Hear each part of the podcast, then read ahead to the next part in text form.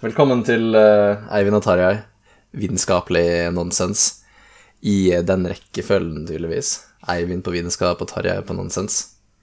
Um, I dag skal vi heldigvis uh, holde oss til mitt tema, nemlig nonsens. Tror Ja. jeg. Med mindre du har noen veldig gøye og Eller det vil si, du skulle jo forberede noen fun facts. Så hvis du har forberedt bare facts som ikke er fun, da har du bomma veldig. Ja, det er jo faren. Altså, Tanken i dag var jo at vi egentlig ikke skulle ha noe tema. Fordi kanskje temaet bare begrenser oss. Men uh, det er jo alltid en liten risiko med det hvis vi ikke finner på noe å snakke om. Så da har vi noen Ja, vi skulle ha fun facts til å backe oss opp. Mulig jeg bomma og bare har fa facts, men uh, du har i hvert fall bomma ved å heller lage gåter. Eller jeg har ikke laga dem, da, men jeg har en slags samling. Ja. Så da har jeg, jeg har fem fun facts som vi kan uh, spe litt utover podkasten hvis vi sliter, eh, sliter på å finne på noe. Kanskje vi bare snakker eh, en drøy time uten å ha sagt den første en gang, og så får jeg bare ramse de opp fort til slutt. Dere skal i hvert fall få fun factene. Og du har noen gåter eh, tilsvarende, Tarjei. Jeg tror ikke vi kommer til å ramse opp gåtene eh, hvis det ikke blir tid. Du må nok få lov å tenke litt på det for at det skal være noe gøy, tror jeg. Men kanskje vi bare skal begynne med en, eh, en gåte med en gang, da. Ja, ok, det kan vi. Det er faktisk gøy. Um, jeg veit liksom ikke helt hvor uh, vanskelig eller hvor lette de er. Det kan jo være du tar dem med en gang, og så kan det også være at de er altfor vanskelige å ta live uh, på podkasten, så jeg tror vi må bare prøve på én av dem, så ser vi.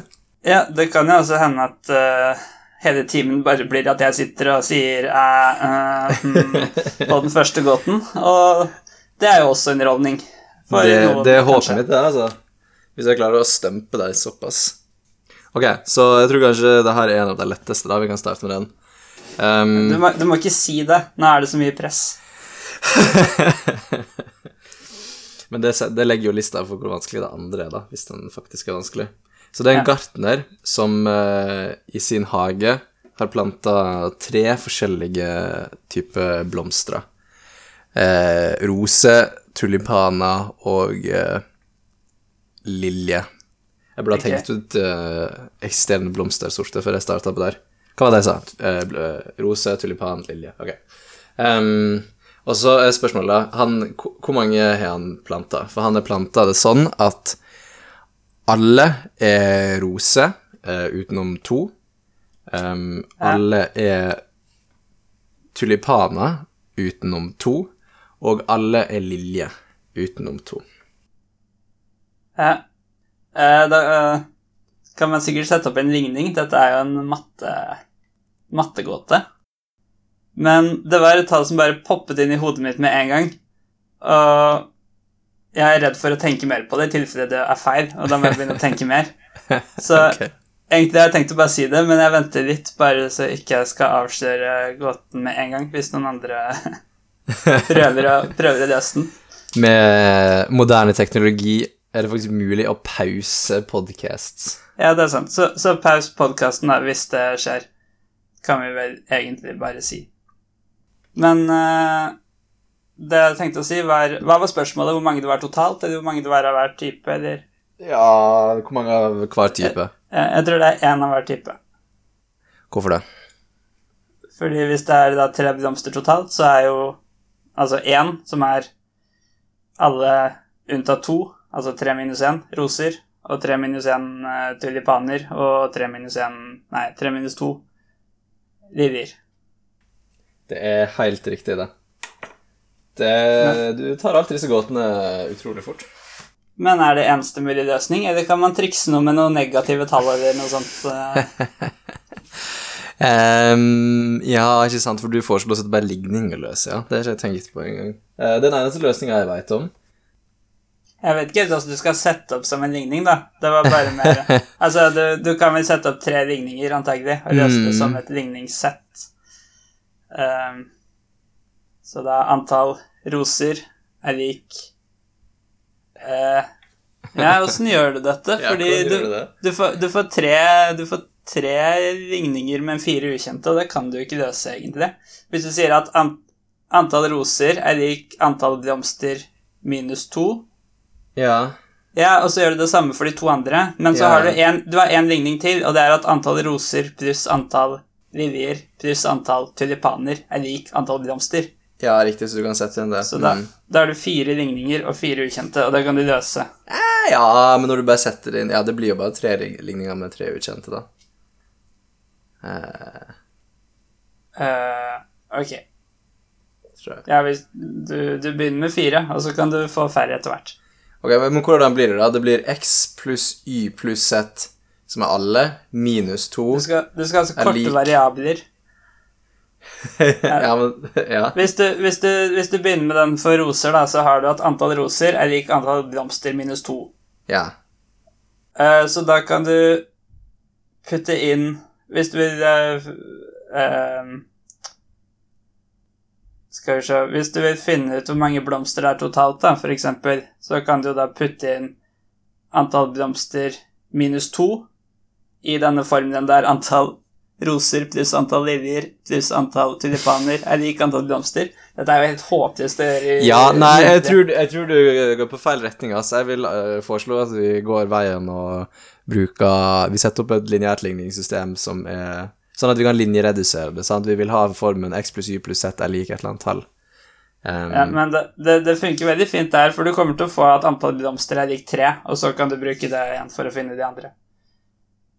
Hvordan klarer du å få ut at, blomst, at antall blomster er tre? Fordi du, byt, du bytter ut antall roser med antall blomster minus to, Mhm. og så gjør du det også for de to andre blomstene.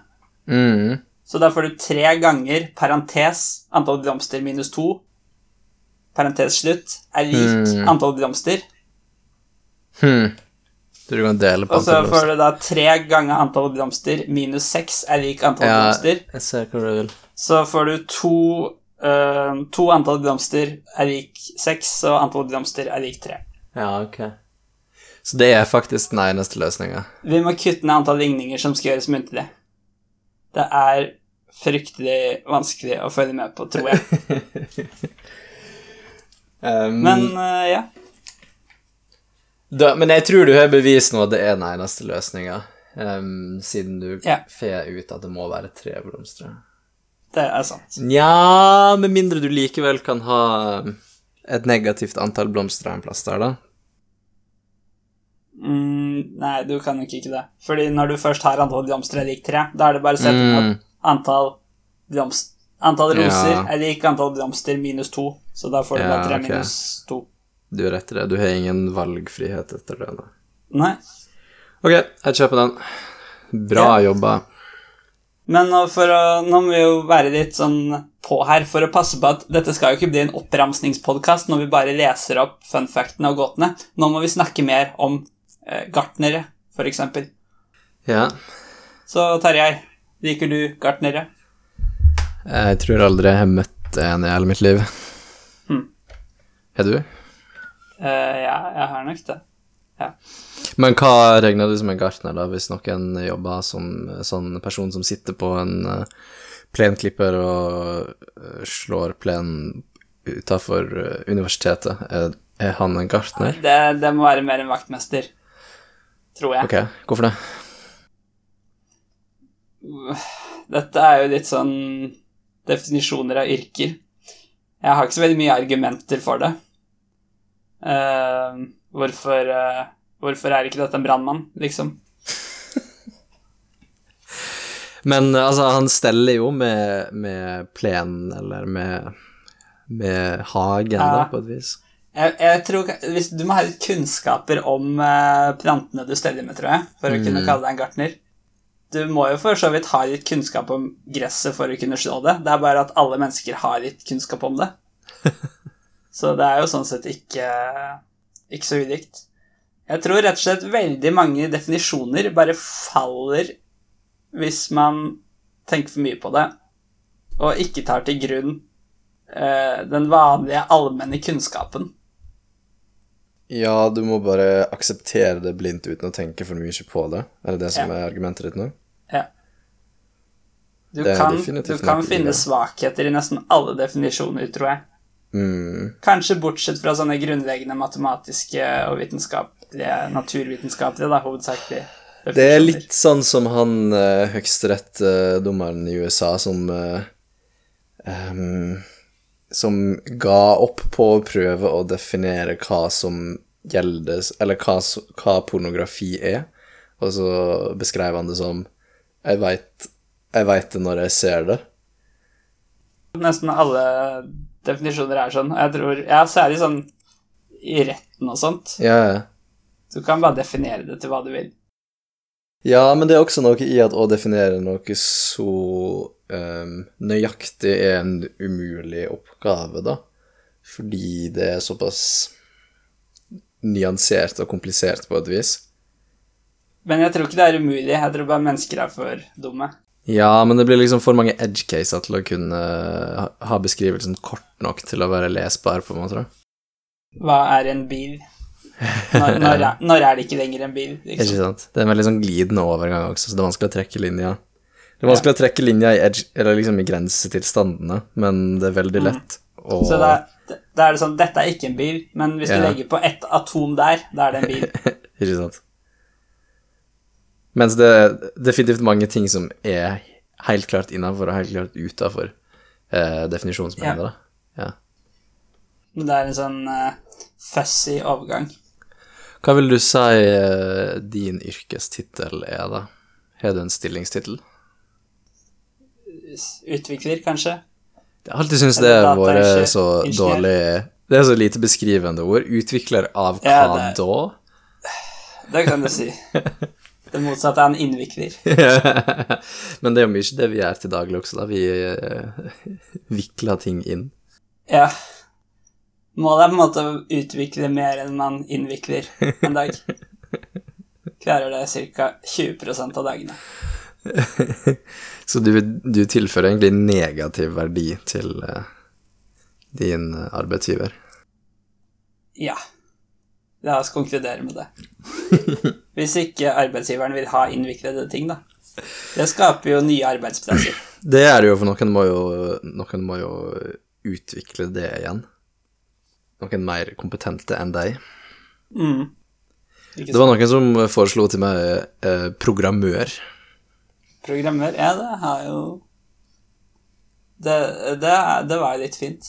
Ikke sant? Fordi programmerer er et veldig klønete ord på norsk. Programmer flyter bedre. Men programmør funker. Det er liksom navigatør. Ja. Um, ja, kanskje det var det eneste eksempelet. Koder er det absolutt verste ordet. Ja, hvorfor, syns, jo, hvorfor det? Det er jo ikke en kode engang, vil jeg si. Hæ? Hva er det du sier da? Vi, jeg vil ikke si vi skriver kode. Det tror jeg du er ganske aleine om blant utviklere, synes. Hva gjør du hvis du ikke skriver kode? Hva, hva, er det som er en kode, da? Er, er det en kode når du skriver en bok? du skriver jo ikke engelsk eller norsk eller et annet naturlig språk.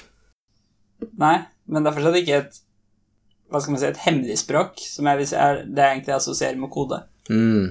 Men det er jo på en måte det, da, et hemmelig språk som bærer som bare datamaskiner og eh, Og mange mennesker forstår. og et lite subsett av mennesker forstår. Akkurat som norsk. Bare det er enda mer kode, for da er det nesten ingen datamaskiner som forstår heller. Tror du det er flere folk som eh, kan eh, javascript enn det er folk som kan norsk? Ja, det tror jeg absolutt. Jeg er ikke sikker, men uh, intuitivt tror jeg det. Det er faktisk helt utrolig hvis det stemmer. Skal vi Tror ikke du det? Jo, det er jo sikkert det, da. Um, det er noen som påstår her at det finnes 12 millioner software developers worldwide. Ja, men det er flere som kan javascript enn som er ja, Nei, ja, det, er jo, det, er jo, utviklere som ikke kan javascript. Eller programmører, da. Jeg er usikker på hva han mente, uh, om det var 12 millioner utviklere eller 12 millioner Java-utviklere. javascript Ja, for det er jo også mange som kan javascript uten å jobbe med det. Most estimates puts the number of programmers worldwide between 18 and 21 million. Ja. Det kommer an på hva det definerer som å kunne javascript, men det kan også si er å kunne norsk. Ja, ikke sant. Nå, nå er vi tilbake til problemet her med å definere ting, da, som er mm. umulig. Vil du ha en fun fact som er en merkelig Som er definert på en rar måte, vil jeg si? Ja, er det en av fun factene du hadde prepared for i dag? Ja, faktisk. Det er ikke om jeg kunne lage en connection. Den er sånn brukbar. For jeg skjønner ikke hvorfor man har definert frykten for lange ord til å hete hippopotomonstroseskipedaliofobi. det er vel kanskje fordi det er ganske morsomt. Ja, er det er det? Det Det høres jo for så vidt litt vitenskapelig ut òg. Hvis du bryter det ned, da, hvor mange av de ordene er det du kan eh, som det består av? Det interessante er at du begynner jo på flodhest, nesten. Hippopotto begynner du med. Men hva betyr det, da? Det betyr jo ikke flodhest. Uh, hippo betyr vel hest, og så potto betyr flod, da. Å ja. Nei, jeg vet, altså Hippo er jo hest og hippopotto Men det, etter hippopotto så kommer monstro, så det er et sånn flodhestmonster. Ehm, og så er det um, seskipedalio, da. Og så fobi til slutt. Den er jo viktig å ha med. Ja, det er jo, det er jo et ord, da. Betyr det at bare lange ord må være hippopotomonseskipedalio? Fordi du tar vekk fobien, og det er frykten for. Ja, um, det kan jo gi mening, det. Det er jo i hvert fall et langt ord. Hvor eh, fikk du den funfacten her fra? Var det noe du visste, eller googla du det? Ja, det, jeg tror egentlig alle fun factene jeg har funnet, er bare ting jeg måtte, visste fra før. Men det jeg faktisk har gjort Jeg pleier å bare ta fun facter for god fisk hvis de er morsomme. Men nå har jeg faktisk uh, googla litt og prøvd å verifisere, sånn halvveis i hvert fall, at dette faktisk stemmer. Ja, det var jo litt gøy. Ehm, men har har du googla, eller veit du bakgrunnen for hvor eh, ordet kommer ifra? Nei, Um, det gjør jeg ikke. For det virka jo nesten som det er gjort med vilje. Ja. Men tror du, tror du frykten for kortord er et veldig kort ord? Oi, det kan vi òg Det er bare sånn afobi. Som, det betyr sikkert ikke frykten for. Um, jeg prøvde å google det nå. Eh, jeg fant bare hippopotomonstrose squipedaliofobi. Finnes den eh, finne, fin, Finnes det sånne folk? Fordi det, det virker jo ikke som noe som det er en veldig spesiell frykt, da. Eller litt sånn Nei, det må være hvis du har Si at du har dysleksi da, og skal skrive. Ja, okay, da kan det være. Men jeg vil ikke akkurat kalle det en sånn type frykt. Nei. Det er, mer, eh, det er litt mer eh, hva skal man si, konkret, og noe du ikke trives så godt med i så fall. Ikke at du blir redd for å se et langt ord. Men da, da synes ikke jeg det kan kalles sånn fobi heller, da. Nei, der har vi nok en definisjon. Definisjonen. Hmm. uh, men eh, Men det føles ikke som det jeg forbinder med en uh, fobi, da. Du må liksom uh, Har du noen fobier du veit om? Som jeg har? Ja. Uh, nei. Jeg tror egentlig ikke det. Har du hørt om trypofobi? Nei, ikke så jeg vet hva det er, i hvert fall. Prøv, prøv å google det, så skal vi se om du har den fobien sammen med alle oss andre. Du må stave det. Trypofobi. Det er å stave det. Ok. Å ja. Um, ja, det er sånn uh, type fjernkontroll Fjernkontrollen Eller lyden på TV-en er på et oddetall uh, Nei, nei, nei. ting. Nei. Er det ikke ditt, det? nei. Jeg ser at det ikke er det. Ok. Det er, men det, ehm, Det er frykten for uh, uregelmessige hull, beskriver Wikipedia det som. Ja. Men uh, kun uh, ikke i abstrakt form. Du kan ikke overføre det. Det er Nei. faktisk Eh, hvis du ser Det er egentlig se på bildet av den, så Ja. tror du skjønner hva jeg mener. Ja, det er sånn bikuber som er litt stygge. Åh, det er skikkelig ekkelt. Synes ikke det, du det er ekkelt? hvis, hvis keyboardet ditt mangler en tast Nei, nei, det er ikke noe sånt. Det er jo akkurat det der. Det er uregelmessig hull. Ok, men hvis du ikke blir frika ut av å se på bilder på Google når du googler det, så tror ikke jeg du har det. Trypofobi. Åh. Uh, jeg klarer meg. Jeg synes mange av de bildene der er ganske ekle, altså. Jeg tror ikke jeg har det. Jeg tror du er den første jeg viste til som ikke har reagert med eh, avsky og disgust. Men du kan si noen av disse tingene ser litt ekle ut å skulle ta på. Da, liksom. Ja, ja, Men, sant? Oh. men, det, men jeg vet ikke helt om det er fordi de har uregelmessige hull, eller om det mer er konsistensen av dem.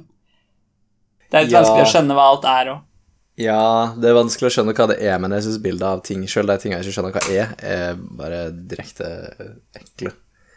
Det er noe med de hullene, altså. Eh, Jeg tror det er litt derfor jeg ikke liker sopp så godt. Ja. Det er litt sånn. Men ok, hvis jeg skal si en uh, fobi her, så er jeg kanskje litt Ganske mild, da. Høydeskrekk. Altså, jeg er ikke veldig glad i veldig høye høyder, Nei. Mm. men uh, har det et fancy navn? Høydeskrekk? Høydofobi. Altofobi, kanskje? det ga mer mening. Eller så burde jo det på en måte også være et veldig langt ord, da, i og med at det er noe veldig høyt. Eller Det bør, det bør være et veldig høyt ord, altså mange linjer, eller noe sånt. Litt usikker. Høyde, det kan jo trekke oss over på neste fun fact, Ja. eh, nemlig at albatrosser kan fly i ti år uten å lande. Oi, det er faktisk veldig gøy. Det er ganske Det sprøtt. høres også usant ut. Hvordan eter de?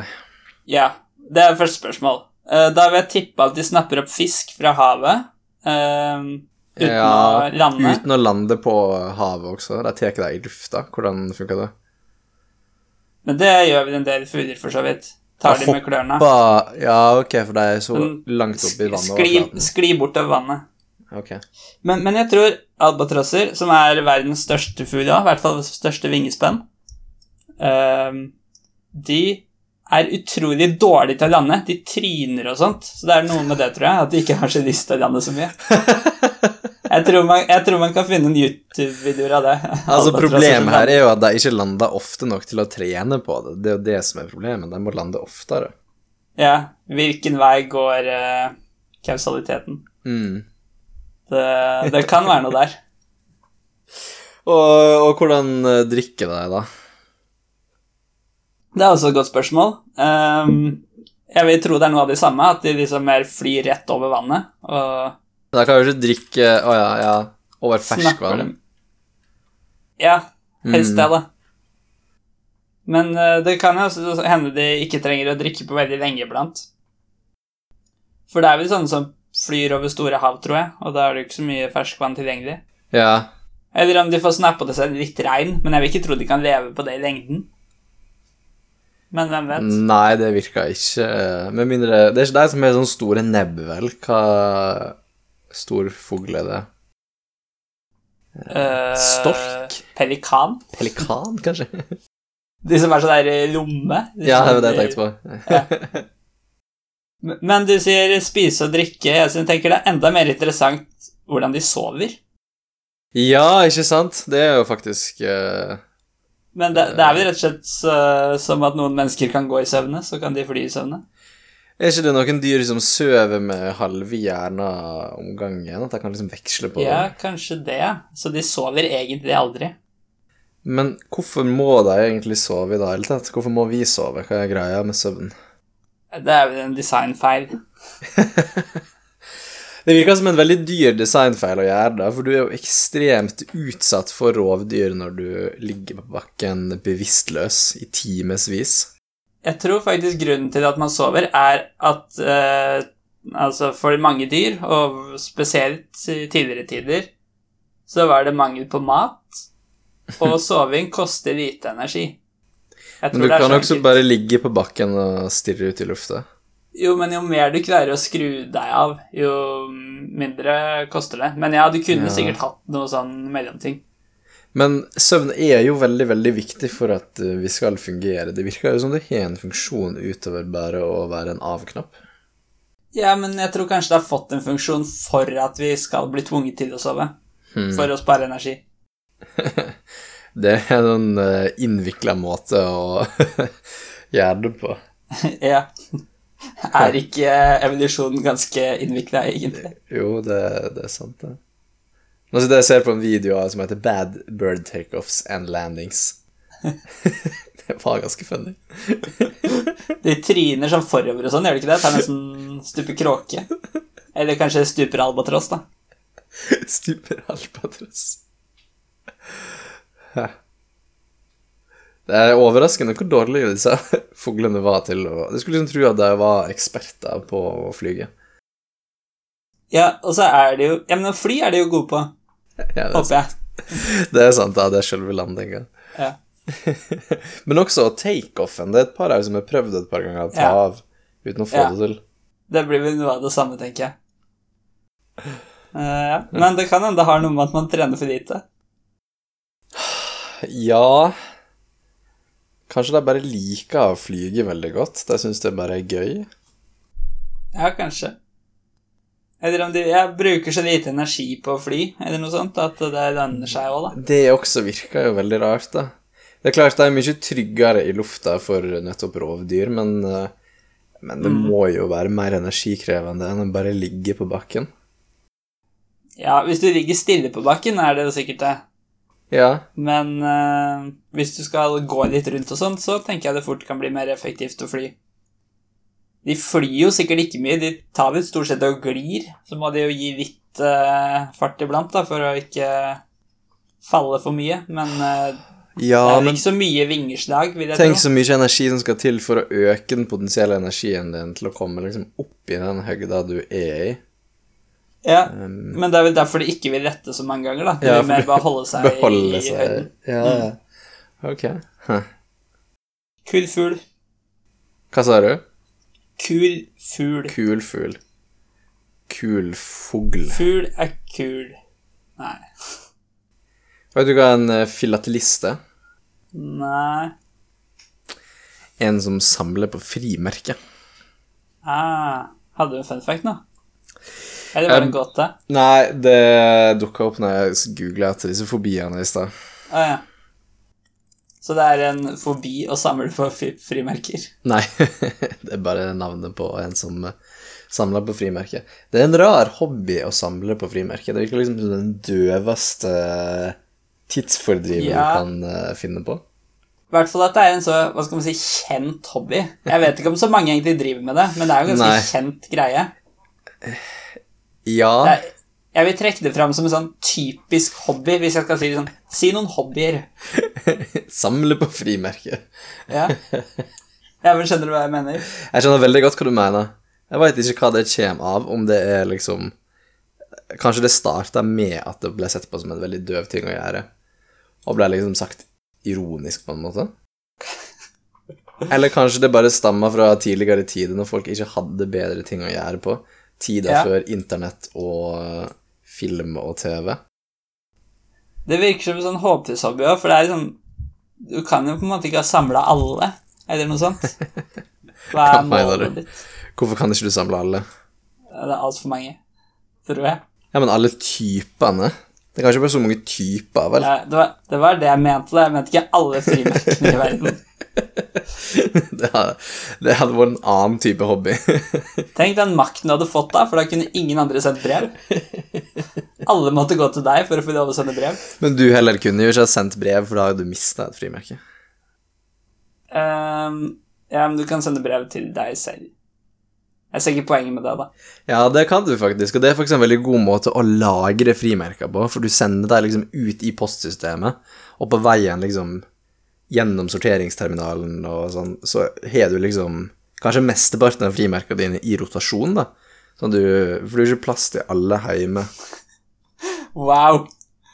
Dette var avansert. For frimerker tar jo så fryktelig stor plass å samle på. Ja, Det gjør jo ikke det, da, men alle verdens frimerker tar jo øh, antagelig mer plass enn du har i stua di. Det er et fryktelig godt spørsmål. Hvor mye plass tar det å lagre alle verdens frimerker? Hvor, eh, ok, så hvor stort er et frimerke, da? I areal, først og fremst. Jeg tror det varierer veldig, men si ja, to ganger en og en halv centimeter. Skal vi si to ganger to og et kvadratisk centimeter for enkelhets skyld? Kan vi si kvadratroten av to ganger kvadratroten av to, så får vi arealet to. Det virker litt lite, selv om jeg liker elegansen i det. Ok, vi kan si to ganger to, da. For det var ikke, det var ikke greit å si sånn jeg hadde, bare for arealet tre. ok, ok, la oss si areal tre. Ja. Um, hvor stort er det? 1, Hæ? I høyde? Å ja, nei, jeg bare tenkte på hva sidene må være for areal 3. Men ok, uansett. Jeg syns em, 3 kvadratcentimeter synes jeg høres ut som et rimelig estimat. Det må være to ganger en og en halv, da, eksempel. Det er jo en måte å løse det på. Eller kvadratroten av tre ganger kvadratroten av tre. Ja, det var litt det jeg lurte på, da. Hvor stor er den? Er den mer eller mindre enn 1,5? Ja, det må jo være én, da, siden det skal Nei, mer, siden det skal være det samme som en og en halv ganger to. Det er sånn 1,7-aktig. Oh, ja. ja, det er du rett i. Godt resonnement. Takk, takk. Ok, hva, hva med høyden, da? Hvor, altså, hvor tjukt er det? Én mikrometer. Nei. Utrolig vanskelig å øh, prøve å fastslå. det er mye mindre enn en millimeter. Ja, det tror jeg også. Men heller, da, hvis du stabler deg, da, hvor mange får du liksom i høgda før det blir en centimeter? Aldri prøvd. Det er 20 mikrometer høyt, skal vi si det. Ja, men hvor trekker du Du kan, du kan bomme med flere størrelsesordener. Hvor får du det det tallet fra? krise. Tror du ikke dette varierer fra frimerke til frimerke? Nei, Hvis du det stempler frimerket, da blir det jo litt grann høyere, kanskje. Eller lavere, fordi du presser det sammen i det du stempler det. Ja, men du skal jo ikke stemple det, du skal ta vare på disse frimerkene, da. Ja, Ustempla eller stempla. Jeg, jeg vet ikke hva det betyr engang. Hvis de har blitt sendt, så er de jo stempla. Hvis du har kjøpt det og bare tar vare på det, da er det jo ikke stemt. Ja, nei, det, ja, det blir jo vel Men hvis du skal bruke posten til å lagre de sånn i, no, i noen dager, Ja, da må du jo stemple de etter hvert. Ja, men jeg tror ikke det spiller så stor rolle, altså, for du tar jo det av igjen, og du tror det blir sånn klemt flatt òg. Jeg tror ikke det. Nei, jeg tror ikke det. Jeg tror ikke det er så mye å si Men, men tror du det er tynnere enn et ark? Ja, jeg tror egentlig det, men jeg er ikke sikker. Sånn halvparten så tjukt? Eller tynnere vet enn du hvor tjukt et ark er? Nei, men det kan vi estimere, sånn, for du veit hvor tjukk ei bok er. Det er sant. Ellers så bare googler jeg det nå. Det er uh, Skal vi se Ja, det var jo ingen som brydde seg om. Bare Bare lengde og bredde. Men det er jo ikke så spennende. Nei, det er ingen som bryr seg om uh, høgda, sant? Men vi vet, vi vet at hvis du bretter et ark, er det sånn 38 ganger eller noe, så kommer du til månen. Så vi kan egentlig finne det ut basert på det. Hvordan hjelper det noe som helst? Da vet vi at uh, bredden på et ark ganger to i Hvis det er 38, da. To i Å, ja. 38. er Sånn, lik ja. lengden til månen. Men så vet vi ikke lengden til månen heller, da. Nei, men vi, vet, men vi vet jo heller ikke om et frimerke er på samme tjukkelse som et ark heller, så vi har jo ikke kommet noe lenger i den eh, I den eh. Så Google sier 0,005 tommer. Eh, En plass, mellom, en plass mellom 0,005 og 0,001. Eh, Jeg tror vi sier 0, jeg tror vi sier 0,001 her for å prøve å holde oss til litt runde tierpotenser. Ja, det blir jo ikke det når du går vekk fra tommene, da. Nei, Men faen, greit nok. ok, Men hvis du Ja. Fem. Ok, vi kan runde det av til 0,1 millimeter, tror jeg. ja. Ifølge disse googlingene mine og eh, konverteringa til millimeter. Så en tiendedel av en millimeter, da. Ok, så 100 mikrometer. Ja, hva var det du sa i stad, da? Jeg, jeg tippa 20 mikrometer på Sant? Så du var liksom nesten en størrelsesorden ifra. Ja, men hvis frimerket er tynnere, så jeg ikke det. Mm, nei, det, det, er vel sant. det tror jeg det er. Men si at det er halvparten, da. Så er det nede i 50 mikrometer. Ja, ok, men la oss, la oss si 0,1 millimeter, da. Det er et enkelt tall å forholde seg til. Hva er det? Null- Late, late fyr. Altså, det, den estimeringen her er jo veldig Vi har, vi har gjort noen feil, så da kan vi bare gjøre flere feil. ja. Akkurat det jeg tenker. Um, så 0,1 millimeter, hvor mange centimeter er det? 0,01? Ja. Og så ganger vi det med Hva sa vi? Fire. Tre? Ja, tre ble det kanskje. Tre kvadratcentimeter. Ja. Da får vi 0,03. 0,03 kvadratcentimeter. Hva, hvor mange Hvor mange Eh, vi er vel oppe i kubikk nå, da. Ja, ja, kubikk. Men eh, det mener jeg hvor eh, Hvor mange frimerker går det i en liter, for eksempel? Det er tre ganger ti i minus femte liter. Tre ganger ti i minus 50 liter. Ja. Det er Altså ti i minus går- femte. ja, så det går tre ganger ti minus Nei, tre ganger ti i femte frimerker på en liter. Nei, det, det er vel ikke nøyaktig sånn det blir. Det blir vel én over tre ganger ti i femte. Stemmer. Ti i femte er 100 000, så det er en tredjedel av 100 000 da. 33 000 eh, frimerker. Okay. frimerker på en liter. Men du vet ikke hvor mange frimerker det finnes i verden? Nei, eh, men det kan vi kanskje estimere basert på hvor mye post som blir sendt. Ja, men du må ta historisk òg, og da ble det sikkert sendt kanskje mer post en periode, og så mindre post for det. Ja, Ja Det er sant. Nå har vi så mye usikkerhetsmomenter at dette Det blir et helt tilfeldig tall. Ja, kanskje, men jeg tenker også at alle disse usikkerhetsmomentene kansellerer jo sikkert. Det, det kan man jo håpe på. den amerikanske postservicen eh, sender 470 millioner brev om dagen. Altså, hvordan er det mulig engang? Det er flere brev enn det er folk i USA. Hver person sender mer enn ett brev i snitt per dag. Men det er nok mye bedrifter, da. Eller mail. Så, Nei, det er ikke nødvendigvis bare brev, da. Det kan jo være pakker og sånn også. Ja, bedrifter, Ja. selvfølgelig. Ja. ja, ok. Men har du, har du, har du frimerke på pakka? sender aldri pakker. Uh, nei Men jeg vet ikke hvordan det funker nå, i hvert fall. Jeg er ikke sikker. Men det kan jo være forskjellig i USA òg, hvis det var der du fant info om. Ja. Altså, på Noen ganger har du flere frimerker per brev og sånt. Ja, ikke sant, fordi det er tyngre, eller sånn. Peak year var i 1999 for antall eh, Og det var i Norge, det. Men det sto på engelsk. Men det er på posten.no. Det var rart.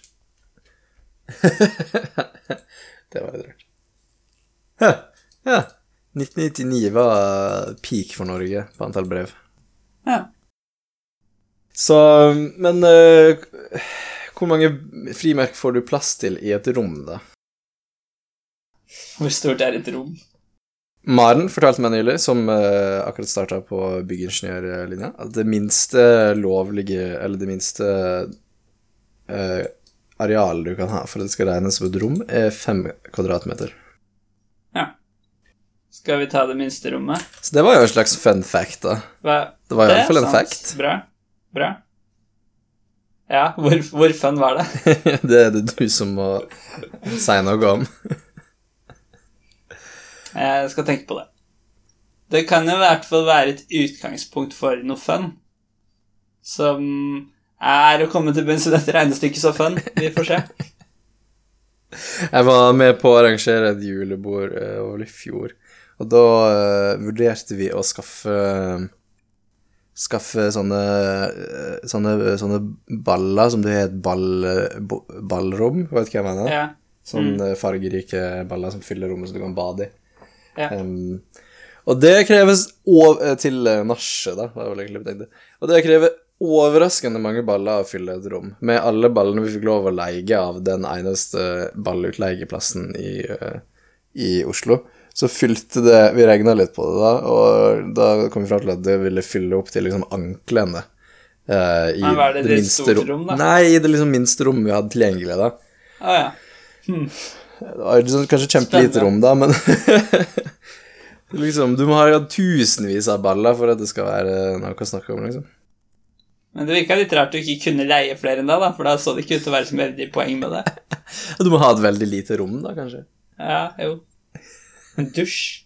Ja, en dusj, da. Den hadde Hvis jeg fylt en dusj opp til eh, toppen, det hadde jo sikkert gått. Men det er veldig vanskelig å komme seg inn i en dusj som er full Ja, da må du være veldig rask. Ja, eller som du klatrer over, over toppen. Ja, ja det er sant.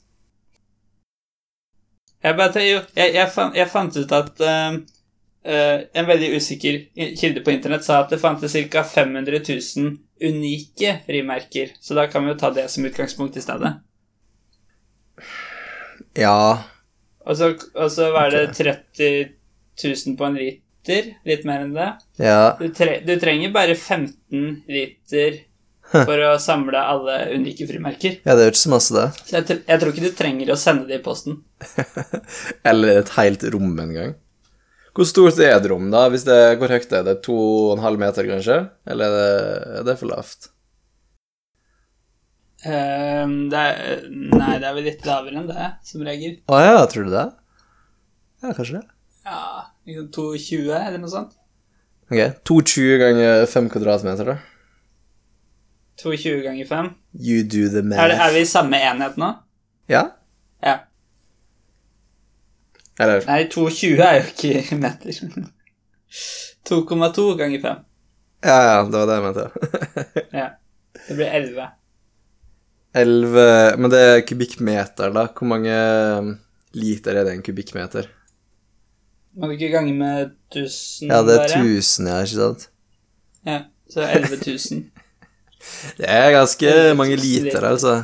11 000 Ja. liter. I verdens minste. Så kan du gange rom. det med 33 000 igjen, da. Mm. Får du en eh, ja, opp mot 400 millioner Ikke sant? Så det er alle, alle pakkene og brevene som blir sendt til USA på én dag, sine frimerker på plass i Norges minste rom. Wow. Jeg vet ikke hvem vei det er imponerende. Kanskje begge. Kanskje det betyr at det ikke er imponerende i det hele tatt. Nå er vi bare tilbake til fakta. Boring facts. Det var, det var ikke så boring heller, sant? Det var bare, det var bare facts. Men det var veldig eh, energi- og, krid eh, og tidkrevende fact. Ja, det var du som gjorde all ho Vi, hoderegninga. Vi, vi, vi, vi kunne regne ut disse tingene på forhånd, men eh, vi visste jo ikke at vi skulle prate om det. Vi gjorde jo ikke det. Og det er Nei. prosessen som er, som er all moroa. Det er sant. Og så er vi for late òg. Vil du ha gåte til, eller? Veldig gjerne. Ok, Jeg må bare se her hva som er Ok, du skal få ei lett ei til, da. Eh, Så kan vi kanskje ta en vanskelig etterpå. Du har ikke troa på meg, men samtidig så skal du sette veldig mye press på meg. Så kanskje du har troen på at jeg takler press, bare ikke på at jeg er god på det som godter. Så vi sier forsiktig takk, Ok. tror jeg. Um, to mødre er på fisketur med sine to døtre. De får i løpet av turen tre fisker. Når de er ferdig, så drar alle hjem med én fisk hver. Hvordan går det til? Ja, da har jeg en sånn tanke om hva løsningen er, men Ja. det som jeg ikke har giddet å tenke på, så kanskje jeg bare skal tenke Nei, nei, få høre, høre resonnementet live. Ja, jeg kan Ja. Så du sa to mødre og to døtre, ikke sant? Med sine to døtre. ja. Ja, med sine to døtre. Ehm, så da tenker jeg at eh, hvis dette bare var eh, to urelaterte mødre, så vil du mangle én fisk, siden det var tre fisker, og virker da som det er fire personer. Stemmer. Så du må jo få dette ned i tre personer. Mm. Og det må du gjøre ved at disse fire personene du nevnte, ikke er fire personer, men at én person kan ta rollen til to av personene. Så da kan du tenke at eh, hvis den ene er bestemoren til hun tredje, slik at du da får en i midten som både er eh, en datter og en mor, så vil du ha klart å kutte ut én person. Det Og da har du en løsning. Helt riktig. Jeg er alltid like imponert over hvor raskt du tar disse. Ja, takk. Men den, jeg, jeg har ikke hørt den før, men jeg har hørt den lignende før. Ja da, det er jo en eh, variasjon av eh, kjente det, gåter, det, selvfølgelig. kan, det kan hjelpe, det. Um, du skal få en litt vanskeligere nå. Ja. Den her er litt lengre å forklare også, så det kan være vi må uh, eller iterere litt over forklaringa, sånn at du skjønner den. Um, Så premisset er at du Jeg vet ikke helt om jeg skjønner liksom, hvor det her kommer fra engang, men sånn jeg har hørt det iallfall, da, så har du en uh, slave som uh, jobber for deg, men uh, siden du er en god slave her, så skal du betale han. Um, siden han er en slave, så jobber han sju dager i veka, Ja. og han skal ha betalt én gullbar i løpet av den veka. Men Totalt. Uh, Ja, totalt. For hele uka. Ja. Men han, uh, slaven, er også en slags frislave, som ha, så han kan eh, risikere å gå eh, på, i løpet av natta når som helst. Um, mm -hmm. Og da skal han ha med seg um, det han eh, har tjent opp så langt. Um, Ja. Så det betyr at du er nødt til å betale han i løpet av hver dag eh, fairly, da. Um, Ja. Og i tillegg til den gullbaren som du skal fordele utover eh, denne veka, da, så har du et magisk sverd. Eh, potensielt en diamantkutter, du kan tenke på det hvordan du vil. ja, Som, ok. som eh, har kapasitet til å gjøre to kutt i gullbaren. Ja, ok. Mm. Så eh, det er premisset, da. Hvordan kutter du den opp eh, sånn at du kan fordele det Betale han fairly i løpet av de sju dagene. Så spørsmålet er hvordan jeg kan kutte den i sju på to kutt. Er det poenget? Noe sånt. Eh, man må kanskje være litt kreativ. Ja, ok. Men ja, for jeg tenker, ja, det har vel ikke så mye å si. Jeg tenker Hvis han ikke går, kan jeg vente med å kutte den opp til jeg vet om han går? Eller skal jeg alltid måtte gi han en sjuendedel hver dag? Eh, du må alltid gi han en sjuendel hver dag, for han kan gå når som helst midt på natta mens du sover. Ja. Um, det er jo ikke så lett da med to kutt. Hvis du i hvert fall har en vanlig, uh, litt sånn um, Mm. ja, prismeaktig, altså et rektangelformet uh, gullbar, Ja, det vil jeg si. Da, da er det ikke så lett å gjøre det med to kutt. Fordi du kan kutte den f.eks. én gang den ene veien. Mm. Da har du to. Yep. Og så kan du legge f.eks. de to delene oppå hverandre og kutte den en gang til. Eller bare kutte andre veien. Da har du fire. Mm. Og sånn jeg tenker det, hvis vi ikke Du sa jeg måtte være litt lur, eller noe sånt. Mm. Hvis jeg ikke er noe lur, så tror jeg ikke jeg får til noe mer enn fire. Ehm, men så kan du si jeg må kanskje ikke kutte rett, er kanskje et poeng her. Hva mener du med rett? Eh, kutte en rett strek. Nei, du tenker å liksom eh, lage en slags eh, Ja eh, Ikke skeivt, det er ikke det du mener, men en, eh, en bue For eksempel. Ja. Ja. Det bare Ja. Mm. Men hva, hva definerer slutten på et kutt? Er det når jeg kommer til en ende av baren, da? Ja, jeg vil si det. Hva hvis jeg f.eks. lager en slags S Mm. på det første kuttet? Mm. Kan det hjelpe? Det kan det nok.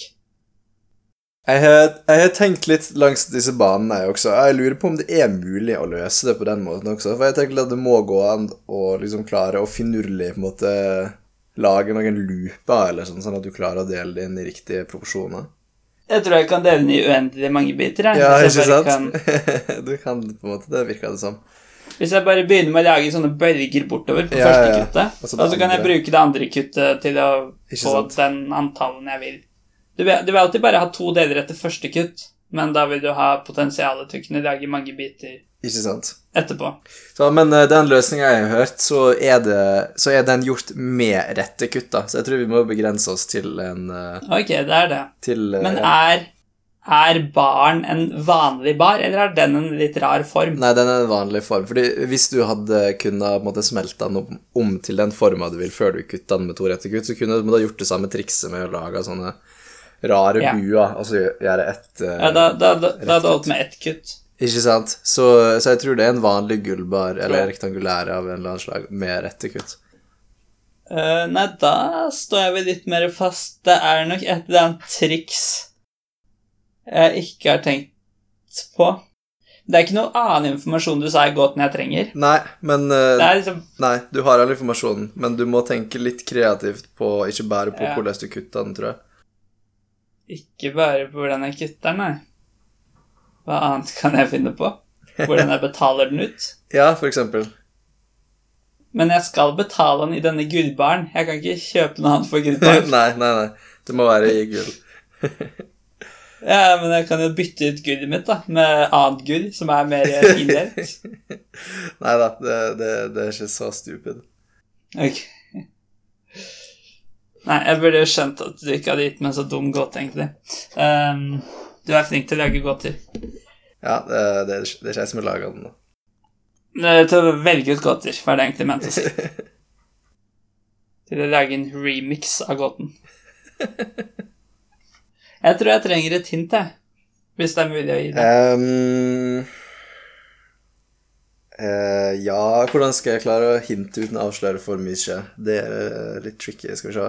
Det handler litt om eh, Du kan uh, uh, Han slaven er litt medgjørlig, da, siden det er du som er sjefen hans. Så du kan på en måte Han er samarbeidsvillig, da, i, i den prosessen her. Ja. Ehm, Som betyr at du kan, eh, du kan eh, få noe tilbake av han, da. jeg kan, få, kan jeg få kutt? Nei, han er en fattig slave, så han eier ingenting annet enn det gullet du gir han. Ingen kutt? Nei, så ingen magiske sverd. Jeg kan ikke få retten til å kutte på skrå heller. Eller, eller buer. Nei. Ja, men hva har han noe å gi meg tilbake, da? Nei, bare det gullet Nei. du har gitt han. Ja, Men han får ikke delt opp noe mer, han. Nei, det får ikke han. Jeg kan, jeg kan ikke gi han masse gull. Jeg må få tilbake en del av det. Nei, jeg tror Enten må du gi meg flere hint hvis det går, eller så tror jeg du bare får si løsningen. Jeg er uh, beseiret. Uh, det handler om at du må veksle med han. Men hva skal du veksle mot? um, ja eh, det, det er jo gullet, da. Ja. Som du kan kutte opp i eh, forskjellige størrelser. Å ja, ja, ok. Så si at jeg kutter det som en sjuendedel. Mm. Så gir jeg det han Yep. første gangen. Mm. Ja, ja, ja. Og så, og så Ja, ok. Så måten jeg kutter opp, er at jeg kutter én sjuendedel Ja. og to sjuendedeler. Ja. Og den siste fire sjuendeler. Ja. Og første dagen så får han en sjuendel. Mm. Andre dagen får han den Da får jeg den tilbake Ja, i bytte mot den to sjuendeler-biten. Mm. Tredje dagen så får han da også en sjuendel-biten, Ja. så han har tre totalt. Stemmer. Og så får jeg tilbake begge de, og han får fire sjuendel-biten. Mm. Så får han i tillegg en sjuendel-biten på femte dagen. Så da har han Mm. da den med fire og den med én. Sjette dagen så bytter jeg da tilbake, sånn at jeg får den med én, og han får den med to. Mm. Så da har han seks sjuendeler, og siste dagen så får han også den siste biten. Stemmer. Det var egentlig en veldig lur løsning. Ja, var ikke den litt gøy? Ja. Og Jeg er litt skuff, jeg er skuffet over at jeg ikke tok den. Ja, eh, for så snart du vet at du må veksle, så, Mm. så går det an å tenke seg frem til den. Hva er det som gjør at det går opp i det hele tatt? Det har jeg tenkt litt på. For det, liksom, det går opp i sju på en måte. Det hadde vært mye vanskeligere hvis det, var, hvis det måtte være åtte dager. Um... Jeg tror det har noe med at det er eh, et sånt eh, Det vi snakka om i en tidligere podkast, det er kalt et binært tall. Men et rundt binært tall. å, ja. Eh, altså minus én. Altså at det er to i n minus én. Altså 1, 3, 7, 15 osv. Det det, det er jo det som utgjør Mersenne-primtallene. Det De som er på den snakker vi også om en gang. Da er det veldig lett ja, å finne ut om det er primtallet. Så det er et Mersenne Det er et Mersenne-tall. Da tror jeg det er lett. Men hvorfor, men hvorfor gjør det det lett? Eh, hva er greia der? Det er noe med det hvis du, du kan tenke på det som bit til en viss grad. Ja. At du kan dele den opp slik at hver bit er det dobbelte av forrige bit. Og, ja. da, og da har du byggeklosser til å kunne representere hvilket som helst tall under der. Én, men to, du må- fire, ja. Ja, ja, ja. Men, men hvis vi sier at dette er på formen 2 opphøyd i n minus 1, mm. altså eksempel da med 7, så er det da 2 i tredje minus 1, Ja. som er 8 minus 1, Mm. eh, så må du ha like mange kutt som n minus 1. Eller du må, like mange, må du ha like mange deler eller like mange kutt? Ja, du må ha n deler, og derfor må du ha N minus minus en. 1 kutt. Ja. Ja, Ja, så kan du spørre deg etter hvert da, om du kan gjøre noe triks med å eh, kutte litt på tvers og sånn, om du da kan lage flere biter, men jeg ja men da blir det veldig mye vanskeligere. Ja, ja. ja. Jeg, jeg tviler på at du får de bitstørrelsene du vil da. Mm. Hæ. Det setter pris på koblinga di til Mersenne-tallet, altså, for det gir masse mening, for det er 1, 2, 4 som er Ja, ja, ja. Toerpotensen er opp til uh, under 7. Ja. Huh. Stilig. Det var eh, veldig gøy. Uh, men det med, med å lage bølge etter kutt er jo også en uh, interessant uh, innfallsvinkel. Eh, det, Men, men det er ikke en så gøy løsning. Nei, men det, det hadde vært litt vanskelig å For du må jo forme den bølga nøyaktig, sånn at disse delene blir eh, riktige alle Eller liksom skal du ha den i sju deler, da, så må du ha sju. Ja, det tenkte jeg ikke på i stad. Nei, de er like store, ja. Mm. Eller eh, Ja, like store, ja, riktig. Det var egentlig det jeg mente. Mm. Ja, ja jeg vet, kanskje det ikke er så lett. Jeg tror ikke det er sånn kjempelett. Eh, Med litt prøving og feiling går det kanskje. Men hvis du skulle liksom programmert en løsning eh, som Nei. finner en sånn eh, form Jeg tror ikke det er Fordi det som er så rart, er at du får en sånn bølge langs midten. Og det gjør jo at du får to rette kanter på sidene. Også etter at du har kutta Kutta den for andre gang. Så du får seg liksom to svære, lange stykker. Og så er det mange Ja, de små må være like store, da. Ja, i areal som alle disse klumpene i midten. Og det er det som gjør det litt Mm. vanskelig, tror jeg. Ja. Men, Men, eh, ja. det, det er definitivt en interessant eh, en annen innfallsvinkel. ja. Men hvis du bare spesifiserer at det må være rett i kutt, så Ja er det jo Ja, ja, ja. greit. Men eh, det var likevel interessant å høre tankerekka di der. Ja. Men uh, vi skulle ha prøvd å kode opp og sett uh, om vi fikk til uh, Det hadde blitt sju rare gullstykker, tror jeg. ja. Kanskje den finner sånn helt merkelige former som Ja, kan gi riktig løsning. Jeg vil tro det enten ikke går an, eller at det er uendelig mange måter å gjøre det på. Ja, men jeg tror det må gå an. Hvordan skal det på en måte ikke gå an? I alle fall å finne For du kan på en måte overskyte det, og du kan underskyte det, og så er det kontinuerlig tilpasning imellom. Så det er liksom Det må jo være en plass imellom der den faktisk treffer. Føles det som, da. Ja. Men det er ikke sikkert det er riktig. Nei. Nei, jeg vil tro det. Ok, vil du høre den siste og den vanskeligste gåta? Ok, ja. Men jeg vet ikke egentlig om det Jeg er klar. Jeg vet ikke egentlig om det er, er gåte. Nå skal du finne algoritme. Um, Nå sier meg at dette kan bli vanskelig å ta muntlig, men uh, Ja, og det kommer an på hvor komplisert den er. jeg burde ha forberedt meg bedre også, fordi jeg er ikke sikker på om jeg har alle detaljene i hodet. Men vi kan prøve. Nei, da er det bare at man må tenke litt utenfor boksen igjen. Eh, Kanskje man kan finne Ja, noen Ikke hack-løsninger. sant? Så det handler om å dele inn kake på en eh, rettferdig måte. Ja. Em, dere er til sammen uh, tre gjester, men, eh, men Ja. det, jeg, tror det, jeg tror algoritmer fungerer med liksom én gjester, da. Em, Ja. Men det er iallfall flere Men vi enn to. sier da. Ja, vi sier tre for enkelhets skyld, men det er flere enn to, da. Ja.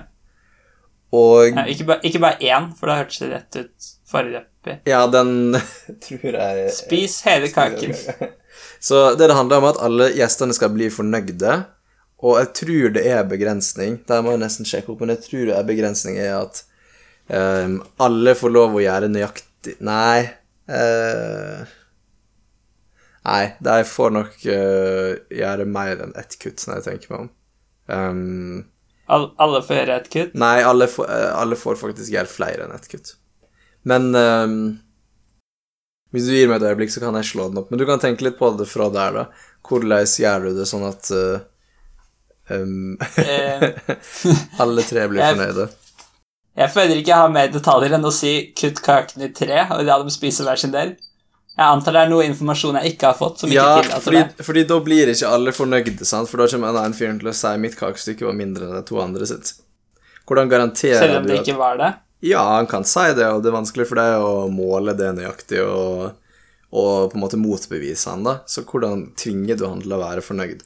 Så her er eh, Jeg fant fram uh, gåta her, da. Så det starta med å si at uh, uh, hvis du er to personer Måten du løser det på da, er at den ene kutter kaka, og den andre Ja. velger eh, Ja, sånn. For da kan Ja. Selv om de faktisk ikke er like store, så er det ingen av Mm. dem som kan være misfornøyde. Nei, det er sant. Eh, så da er spørsmålet hvordan utvikler du algoritme Eller hvordan ser en sånn tilsvarende algoritme ut for tre personer?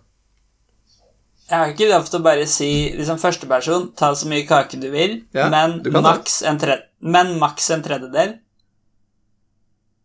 Og så sier du at alle gjør det? Jeg tror litt av problemet er at du er en av disse tre personene, og dere har alle lyst på kake, og dere har ingen liksom, utenforstående som kan være dommer og avgjøre, så hvis en av dere blir misfornøyd, så blir det dårlig stemning. Så dere må ha liksom en algoritme som gjør at dere tre kan alle bli samstemte, da, uten, å, uten at noen blir misfornøyde, og uten en, en tredjepart som uh, sier at du er stupid. Ja, du, du har ikke lov til å sjekke hva en tredjedel er, liksom? Eller noe sånt. Det er vanskelig, å, si- det er vanskelig å måle. Du kan si for den på to personer, så kan jo den ene bare spise hele kaka, da. Med makt, liksom. Det er, det er jo ingen dommer da heller. Nei, men da blir den andre personen misfornøyd, og det blir dårlig stemning. Ja. Det skal ikke bli dårlig Ja, stemning i det selskapet her på to eller tre Så, personer. jo, jo, det er det jeg mener. Så hva er det ved to personer som faktisk enforcer at de skal følge reglene? Nei, jo, det er jo det at den ene personen utfører delinga, og hvis han er stupid og deler det inn skeivt, så velger jo han andre personen det største stykket, og da har han først bare seg sjøl å hvis han først bare spiser kakestykket? Da blir det dårlig stemning, da. Det er det jeg sier. Du må utvikle en algoritme som gjør at du opprettholder stemninga. Jo, jo. Men selv om regelen sier at jeg kutter, du velger, hva hvis jeg bare kutter og spiser? Fordi Jeg føler, eh, jeg føler det blir litt på samme måte som at hvis jeg sier du kan maks ta en tredjedel, og jeg bare tar halve, så er det samme greia. Em, det, um, hvis du tenker på disse folka som, uh, som program, da, så må de gjøre som du sier. De må, fylle, de må følge algoritmer til punkt og prikke. Em, og algoritmer må lede til at det ikke blir dårlig stemning. Men du kan ikke ha i algoritmer uh, skjær nøyaktig. Det, eller liksom Nei, jeg, jeg, sier, jeg sier maks en tredjedel. Ta så mye du tør, men tar du mer enn en tredjedel, da blir du skutt. Ja, det er en interessant eh, Ok, men det er en interessant uh, uh. Så da, men altså, det som er, det kommer til å bli liggende igjen litt kake. Kanskje ikke det er lov? Nei, det er det faktisk heller ikke. Det, da blir det krangel om hvem som skal få den. Ja. Og du kunne, sa, du kunne sagt at sistemann kunne ta hele kaka, men da lønner det seg å være sistemann. Ja, da blir det dårlig stemning igjen, sant. Så Ja. riktig bra. Du fant, det er bra du fant feilen der, fordi jeg klarte ikke å Men jeg føler at for den med to personer, så lønner det seg også å være den som velger, for da får du like mye kake hvis noen andre er flink til å skjære, Ja. eller mer kake. Det er sant, det. Det går ikke an å tape på å være nummer to. Så sånn sett er det jo litt urettferdig, det òg. Ja, men, men det er noe Jeg med syns løsningen min er godkjent, Men det men er jeg kan prøve å finne en løsning til. Ja, det er noe med at det, det, går bare Jo, for det er sant, i det eksempelet på to, da Hvis du er dårlig til å Det går bare på dine egne skills, sant, så hvis du er dårlig til å skjære i topersonsløsninger, så får du mindre kake, og det er straffa di. Men hvis du er Men er Nei, for hvis du er Ja. dårlig å skjære i tremannsløsninger, og du skjærer for mye, så blir det dårlig stemning, sant? Og det er, det er tilstanden som ikke skal være mulig å komme i med den algoritmen her, da. Eh, Fordi det er dårlig stemning og diskut? Ja, ja, stemmer. Ja. Men, men hvis du skjærer for lite, da, da er det greit, for da er det bare det kjøletaket, så det er innafor. Men det er den risikoen med å skjære for mye da, som gjør at uh, den, den algoritmen er ikke god nok. Jeg synes jeg burde fått minst 90% riktig hvis dette var en eksamensoppgave. Men jeg, jeg, jeg kan faktisk prøve å tenke om det er en annen løsning, da. Ja, gjør det. Så jeg, t- øhm, men du kunne skjære så mange ganger du ville og sånt? Ja da, jeg tror ikke det er noen begrensninger utover det her enn at uh, algoritmer må, må til slutt lede til at alle er fornøyde. Mm. Ok, men hva hvis uh, første personen deler den i tre biter, sånn han vil, og så tar andre personen og velger et stykke, og så velger tredje person et stykke? Da blir det litt samme greia, men det er kanskje litt fordel å være andre person, fordi du får velge først. Mm. Men jeg føler ikke det er noe verre enn den med to personer, at okay. en får velge i det hele tatt. ja, så, okay, så du, men så skjærer det veldig skeivt, da, ett stort og to små, på en måte. Da velger jo den første personen det Ja. største stykket, og så blir den Eller den andre personen velger det største stykket, da, altså den tredje personen blir tvunget til å ta et lite stykke, og da er det han Ja, som hvis- blir misfornøyd. Ja, hvis det, de er bedre venner, liksom. Type. Hæ? Ka- Ja, hvis han vil, hvis han vil Han som skjærer, vil gi mye kake til han han vet skal velge etterpå. Ja, mm. Um, ja. Jeg antar Det høres ut som det er en litt kompleks løsning. Jeg tror flere må skulle skjære og litt sånt, men Mm. Så jeg tenker løsningen må begynne med at én vilkårlig person gjør ett eller flere kutt. Og når du har kutta, da kan du enten at, ha det sånn at en velger noe kake, eller at det er en annen som skal kutte. Mm. Jeg tenker at det kan ikke komme et valg etter første kuttet. For å prøve å gå litt sånn vet ikke, brute force meg fram til løsningen da.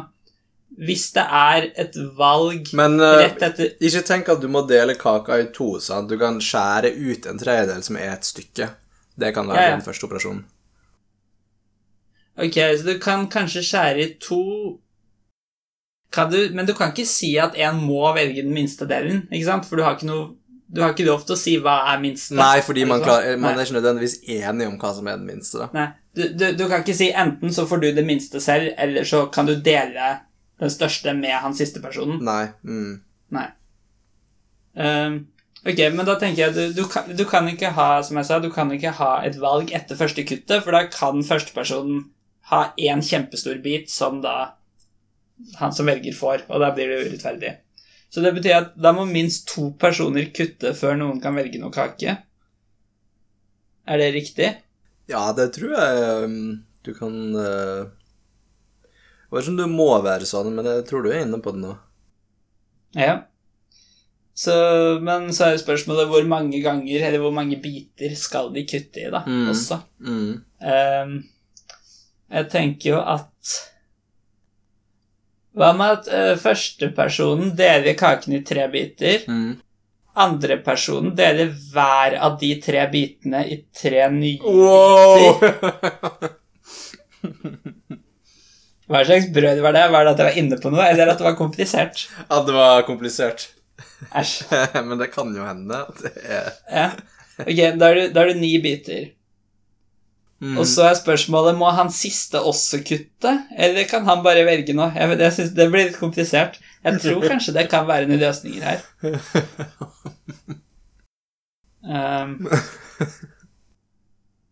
ja, det, det bør Jeg tenker dette går bare fordi det blir så symmetrisk. Nei, kanskje ikke. Fordi da kan du kutte det veldig usymmetrisk. Ja, men bare fordi alle gjør det samme. Så hvis én kutter kaka i tre, andremann kutter hver av bitene i tre, og tredjemann kutter hver av de bitene i tre, da har du 27 biter. Ja. Og så for eksempel da tar du da den ene eh, pollen med biter som kom fra det første opprinnelige stykket, Mm. og gir til person 1, og det andre til person 2, og det tredje til person 3. Mm. Og så sier du 'velg én bit', og send det til med klokka eller noe sånt. da. Mhm. Og så bare plukker de biter helt til de er tomme for biter. Og da tenker jeg det høres ganske sannsynlig ut at det er rettferdig bare fordi de gjør så det samme. Men det er jo veldig komplisert løsning. Det kan hende det er noe mye enklere. Er, den, er, den, den er litt komplisert, den løsninga jeg veit om også, men den er ikke like komplisert som det her. Men, men tror du den løsningen her funker? Um, jeg er litt skeptisk, fordi um, Hvis vi tar liksom worst casen, da. Hva om um, den første personen skjærer det liksom kjempeulikt? Så det er liksom en Ja. 90 del av kaka, altså to små. Og så gjør Ja. han neste det samme òg, så du får liksom en 89% bit til slutt der, da, som uh, han første som får lov å velge, kommer til å ta. Og da blir begge de to andre misfornøyde, for der kommer vi til å få nærheten av en tredjedel til samme. Uh, nei, fordi sier at han første deler liksom 98 1 1% Mhm. Og så tar nestemann og deler den 98% på samme måte. Ja. Så den er sånn 96 %-aktig av alt. Mm. Da kan sistemann Han skal velge av den til slutt, Ja, hvis vi bare sånn er det. fortsetter å sende rundt. ikke sant? Mm. Hvis han deler den i tre like biter, da vil han få en av de bitene likevel. Ja Ja, for han kan Men hvordan tenker du at han tredjemann kutta? Og så hvem er det som velger først? Eh, For eksempel den første igjen, da.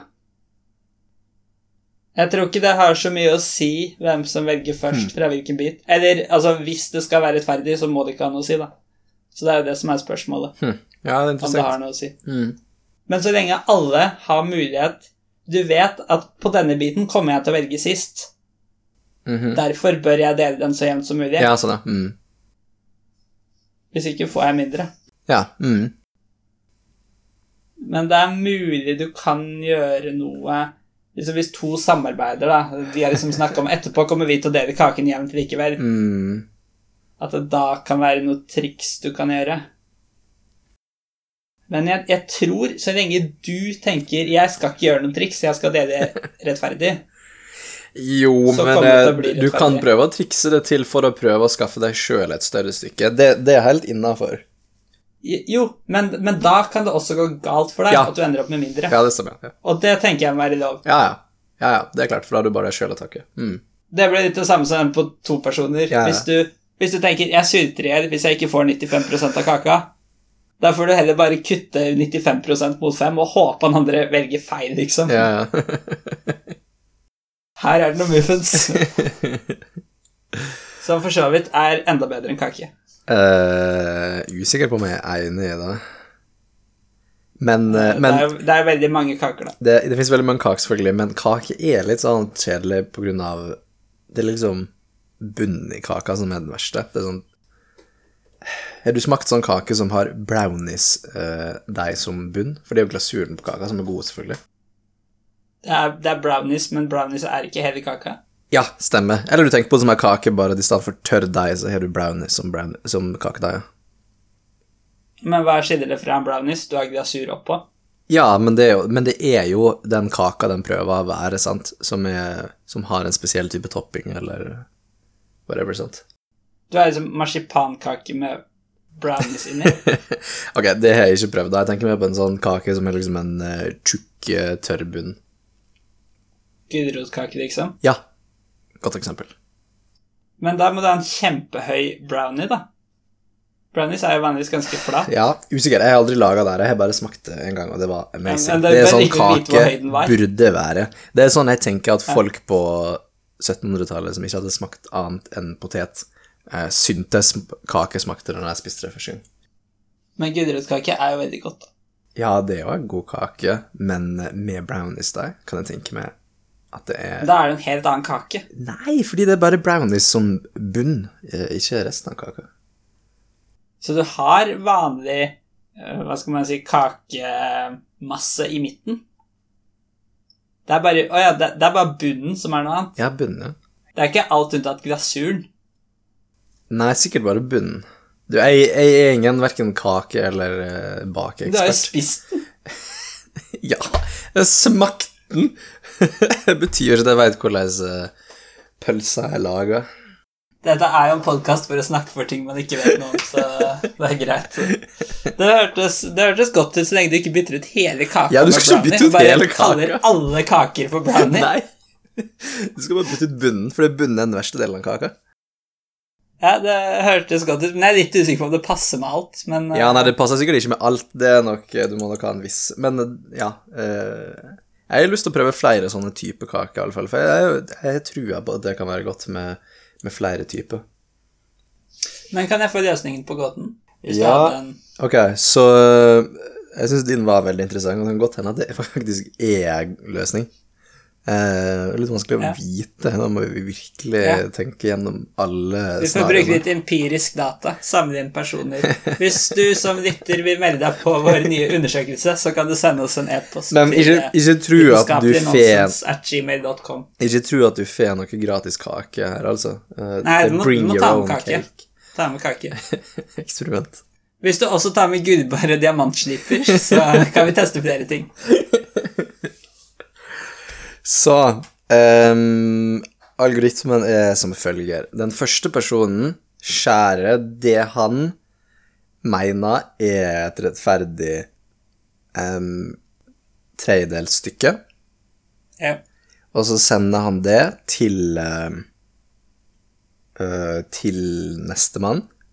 Mm. Og nestemann kan se på det stykket og tenke det her er et rettferdig tredelsstykke, eller han kan tenke det her er søren meg for stort. Eh, Ja. Og hvis det er for stort, så skjærer han av et stykke sånn at han får det ned i det han mener er en tredjedelsstykke. Um, ja. og så legger han resten av kaka tilbake i den opprinnelige kaka. da. Um, Ja, men skal han ta nei, nei, nei, da, nei, da tar han det han skjærer av, og plasserer tilbake når det blir en del av den opprinnelige kaka. Ja, Um, Så, og, men i alle tilfeller så sender han kakestykket etter at han har gjort det, videre til uh, sistemann. Um, Ja. og sistemann kan jeg da egentlig tenke det her er mindre enn eller lik et tredelsstykke, og da sender han det videre. Eller han kan gjøre det samme da og skjære den ned hvis han synes det er for stort. Mhm. Um, og når det her, den prosessen her er ferdig, du har vært gjennom alle eh, middags- eh, eller dessertgjestene, så er det Ja. den siste personen som, eh, som kutter i stykket, som eh, får det, om man spiser det. Du kan ta det Nei, du kan ikke ta det, du må gjennom alle, Ja, ja sånn. men når det har vært gjennom den siste personen, og den, den siste personen kan jo være han første fyren, siden han kutta et veldig lite stykke, da, så er det ingen som vil Ja. forminske det, og da får han det. Ok, ja, ok. Mm. Så det er algoritmer, og så bare gjentar du det for eh, Da er førstemann ute, og så er det mindre kake som skal deles på to personer, da gjør den samme algoritme. Ja. Og da tror jeg den algoritmen reduserer til å bli den eh, Han første deler han i to, han andre velger. Bare at velgeprosessen er sånn Han kan velge å... Det blir litt annerledes. det, det er litt annerledes, for da, hvis han syns det ene stykket er større enn det andre, så er det hans jobb Ja. å skjære det mindre sånn at det blir halvt, og så legge resten Ja. Tilbake i kaka, og da får han det stykket han skjærte ned til å bli halvt, og han andre får det får resten, da. Så det er, det, er det er ganske likt, vil jeg si, da, om Ja. ikke det samme. Nei, det var, det var en interessant løsning, og litt enklere i hvert fall, tror jeg, enn den jeg sa. Ja, jeg tror den er Nei, jeg, enklere. jeg, vet, jeg vet egentlig ikke, for det kan jo gå mange runder der òg, sikkert. Ja, men den er, den er uh, Hvor mange operasjoner er det her, da? Jeg tror det er én i andre, eller én i andre delt på to eh, operasjoner. Fordi hvis du har én folk, da, så må han første kutte, og så må han sendes gjennom hele rekka. Men når det er gjort, så er én av de folka ute, og så må du gjenta, og det skjer én gang. Så det er liksom en halv n i andre. ja, for den, den kan ikke begynne på en ny runde. Nei, nei da, når den har vært gjennom én gang, så er det entel, så er han første som kutta Uh, ingen, eh, ingen syntes det var for stort, da får han det. Hvis noen syntes det var for stort, så får han siste som syntes det var for stort, han som kutta det. Så det trenger bare å gå gjennom Ja. én gang. Ja, ok. Mm. Ja, så det blir en sånn uh, uh, Ja. En i annen del på to typer rekke. Ja, jeg tror det, altså. Aktiv. Hvis det er tre personer, så Ja, så går den først gjennom tre, og så må de to andre Ja, ta en runde til. Så det blir fem operasjoner. stemmer. Så det er kvadratisk eh, En kvadratisk algoritme med antall folk, da. Men uh, likevel ikke too bad. Men det kan egentlig være at dine er bedre. Mm, men denne høres jo veldig rettferdig ut. Min er vi sånn litt usikre på om er rettferdig, Ja. men jeg, jeg, jeg tror den er det. Men ja, dine var vanskelig å tenke på, altså. det ble så sjukt mange stykker. ja, det blir- det blir 27 små Det stykker. blir, det blir vel n opphøyd i n stykker. N i n til stykker.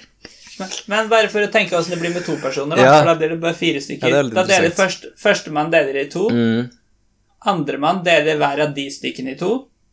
mm. Og så får førstemann én del. Eh, vi kan vel si den delen er valgfri? Jeg tror ikke det gjør noe. Bare en random del, da? Eller må han velge? Ja, men jeg, tro, jeg trodde ikke du fikk lov å si random. Fordi hvem skal bestemme hva som er random? ja, du kan kanskje slå kan en kanskje terning. trekke. Ja, jeg, jeg Men, men, ja, ok. ikke det må men, men mulig. hvis du ikke er random, da førstepersonen velger eh, to biter, men de bitene må være av de samme eh, samme del av det kuttet han gjorde først. Da, Ja, jeg skjønner hva du mener. Mm. Han kan ikke velge én bit fra den ene biten han kutta først, og en fra den andre. Nei, så han må velge sin egen Det er jo bare ett av de første stykka han kutta, han må velge, da.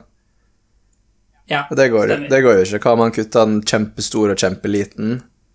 Ja, men da tar han andre etterpå og deler begge de delene Aha, eh, i to på midten. aha. Så da, ok, si at du har da Førstemann deler i 98% og 2 mm. Og så får, blir da begge stykkene sendt over til han andre. Ja. Som da, hvis han vil ha like mye, mm. deler eh, den ene i eh, 49 Altså to 49-deler. Den som var eh, Ikke 49 deler, men eh, 49-prosentere. Oi. Den som var på 98. Ja, to, ja, ja. Og, og den andre i to 1-prosentere, da. Den som var på to. Ja. Eh, og så velger han første hvilke av de opprinnelige stykkene dine vil du på en måte begynne med. Så sier vi at han velger den med 98. Ja. Så da får han de to med 49, Ja. og den andre får de to med 1. Ja. Og så må begge velge ett av stykkene du har foran deg. Så den ene velger da et med 1, og den andre en med 49. ja. Og send videre. Og så Å, velger den andre den med 49. Det var et send videre-steg her, ja. Ok. Ja. Og, og hvis han nummer to, da, f.eks. for eksempel da velger å kutte det med bare 2% i 2-0, eller i hvert fall sånn tilnærmet det, Mm. da må jo bare han første da velge å begynne med de, sånn at han får den med to. Hmm. Så hvis du prøver å avvike, så er det du selv som blir straffet for det. Ja. Spørsmålet er bare litt sånn hvis du er tre, da om noen kan rotte seg sammen. Men jeg tror ikke det skal gå. Men jeg er ikke helt sikker. Ha. Det var overraskende vanskelig å tenke på. Jeg lurer på om det går an Hvordan liksom beviser du at alle blir fornøyde? Det er veldig vanskelig. Uh, uten å bare Eh, brute du må force ha og en sånn tenke gjennom alle. brukerundersøkelse etterpå. Nei, vi må ha en empirisk undersøkelse. Jeg, jeg tror det Altså, jeg vil ha et matematisk bevis her, ikke en empirisk Altså, det teller jo ikke eh, for noe. Eller kanskje Men nå har, dette, nå har dette nesten blitt den lengste podkasten vi har lagd, eh, til tross for at vi ikke hadde noe tema. Og jeg har tre fun facts igjen. Ok, få høre fun facts her. Skal, skal vi ta de litt uh, fort? Ja. Altså, vi kan bruke litt tid på de, men prøve å ikke spore av for mye. Mm, for. Den, den første tenker jeg det er morsomst å stille i quiz-form. Det er ikke noe gåte, akkurat, men uh, quiz. Ok. For kan du si hva den nordligste, østligste, vestligste og sørligste staten, statene i USA er? Nordligste, østlige, vestlige, sørligste. Sørligste tipper jeg er Texas. Burt. Feil. What? Han er Florida, kanskje? Niks. Hæ? Du må tenke litt utenfor uh, kartet. Og Hawaii er lenger sør. Ja. Jeg, jeg tror Jeg er ikke helt sikker. Jeg tror det er Texas. Ok, men det var bra Det var bra du sa, for da er Alaska den nordligste. Det er riktig. Huh, jeg tror ikke jeg hadde sett det. Ok. Um, så er det øst og vest, da. Um, mm. Er det kanskje Washington som er helt nordvest i USA? At den kanskje er lengst Ja. vest? Nei, må jeg utenfor kartet. Nei, ja, det er Hawaii igjen, selvfølgelig. Nei, nei det, det, er- det er ikke Hawaii. Å ja, ok. Er det en som er lenger vest? Ja. Da tror ikke jeg veit om det. Altså, da looper jo du rundt igjen og kommer til Florida igjen, da.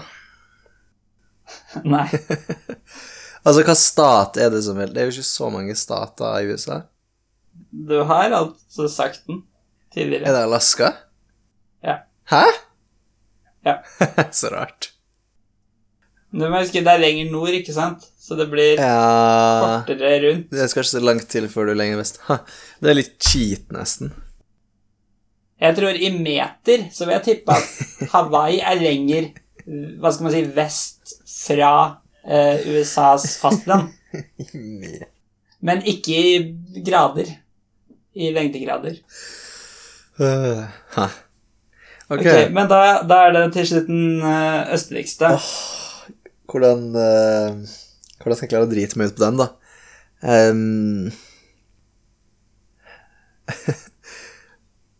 Eh, Jeg har litt lyst til å si Florida, kanskje, for det er ganske langt øst, men, men jeg har også lyst til å si en av de nordøststatene der oppe, Ja, som er da Maine eller noe. ja. Det er et godt svar, det. Det er den som ligger lengst nordøst, og den ligger lenger øst enn Florida. Men dette er jo ikke en fact, det er jo en fun fact. Ja, Det er et hint. ok. Det er jo ikke et så enkelt svar. Men altså, er det Hawaii eller eh, Alaska igjen? Ja, nå er det innenpå den her. Nei, det aksepterer jeg ikke. Å, å. ok, få høre. Ja, det er Alaska, så Alaska er den nordligste, østligste og vestligste staten i USA. Eh, Og det er da fordi den går over denne datolinja. Ok, på, Eller- på baksida ja, av jorda, da. Sånn. Jeg vet ikke om det er datolinja, er kanskje ikke akkurat samme, men i hvert fall en koordinatrupelinja. Så det vil da være på begge sider, og både ligge fryktelig langt øst og vest. Men det er jo da ikke en definisjons... Uh, resultatet av en definisjon som er litt Ikke dårlig, kanskje, men igjen. Den definisjonen er i hvert fall presis.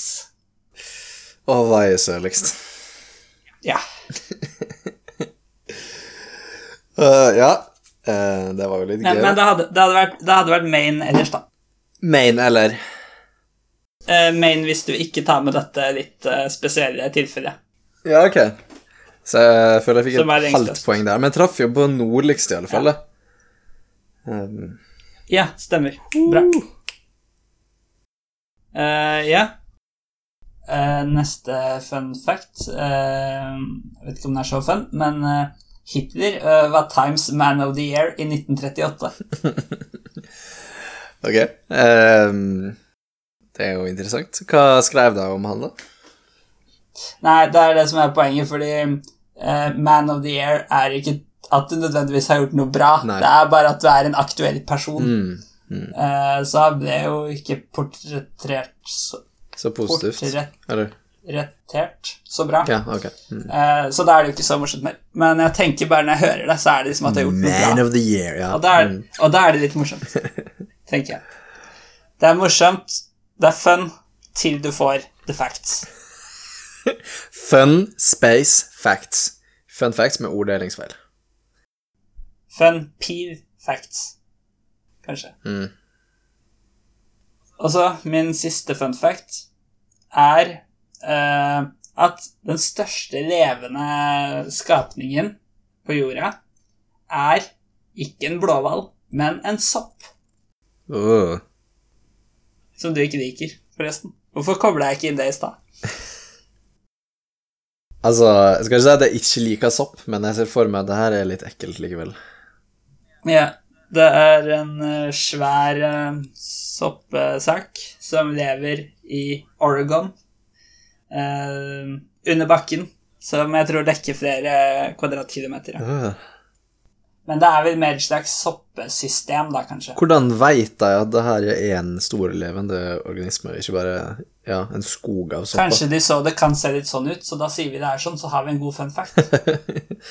altså, jeg tror, tror du folk er liksom så opptatt av å skape fun facts? er det ikke det vi lever for? Ja. Tror du ikke det er derfor albatrossene flyr i ti år uten? Eh, ja, det er jo litt som å sette rekorder. Vi gjør jo mye det, vi mennesker også. Eh, og det er jo Ja. for å skape fun facts på mange måter. Ja. Alle, alle rekorder er jo fun. Det er jo det. Hvor mange T-skjorter kan en mann ha på seg på samme tid? Ja, det, ja, det er sånn. Sånn, sånn type ting. Ja. Sånn sette verdensrekord på maraton. Ja. Det er ikke så liksom, Tallene er ikke så offentlige. Hvor mange Det er imponerende, men det er, det er ikke, det er ikke. Nei, sant. Hvis ikke tallene blir morsomme, da. Én, to, tre, fire, sånn 1, 2, 3, 4, 5. Du må sette Det det i, eh, i primtall og sånn. Ja. Ja, det hadde vært noe. Eh, Det skal bli mitt mål. hvor mange Kjedelig løp for raskt, da. Det er jo forskjellen fra når du vanligvis prøver å sette rekord. Selv om det er alltid viktig å ikke slå rekordene sine med for mye, for det blir så vanskelig å slå de neste. Ja, det er et veldig godt poeng, ass. Uh, Mm. Alltid pers marginalt. Det er veldig sånn, Idet du setter en personlig rekord, eller verdensrekord for den saks skyld, da, da stjeler du på en måte din fremtidige lykke ved at du i stedet kunne satt rekord da.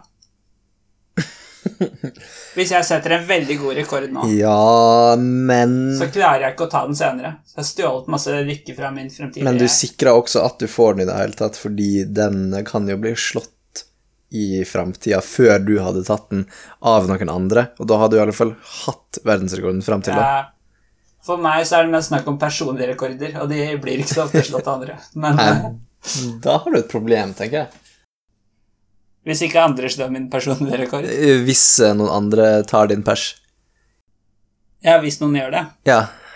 Men jeg tenker det sånn per definisjon Hvis ingen andre slår min personlige rekord, Mm. betyr ikke det at jeg er best i verden. Du er, Dette du må er du tenke veldig lite på. Du må tenke på det sånn ett og et halvt sekund, og så må du stoppe å tenke på det med en gang. Og da kanskje det kan gi mening. Altså, du, du eh, er jo verdensmester i å være deg. Mm, ja. Bare fordi jeg er eneste som har prøvd. Ja. Så Ellers hadde jeg er sikkert havnet et sted sånn rundt 20 000 plass. Men det er ganske bra. Spørs hvor mange som prøver, da. Ja, hvis alle prøver. Alle som lever nå. Å ja, du tror du hadde vært på topp 20 000 av å være deg hvis alle 7 milliarder i verden hadde prøvd? Hvis jeg kunne tatt med den erfaringen jeg alt hadde, da. Ja, sånn ja, men du tror likevel noen hadde slått deg? Ja, uten tvil. Det spørs jo hva som definerer å være en god day, da. Nei, altså, jeg er dommer. Å ja, og likevel hadde du dømt deg sjøl til 20 Nei, 000 det, det, må være en, det må være en måte å gjøre det på så alle blir fornøyd uten at vi har en dommer. Det høres ut som et umulig problem. Har du hørt om eh, marriage oh, Jeg husker ikke hva det heter. Marriage-problemet eller marriage-algoritmen eller et eller annet sånt.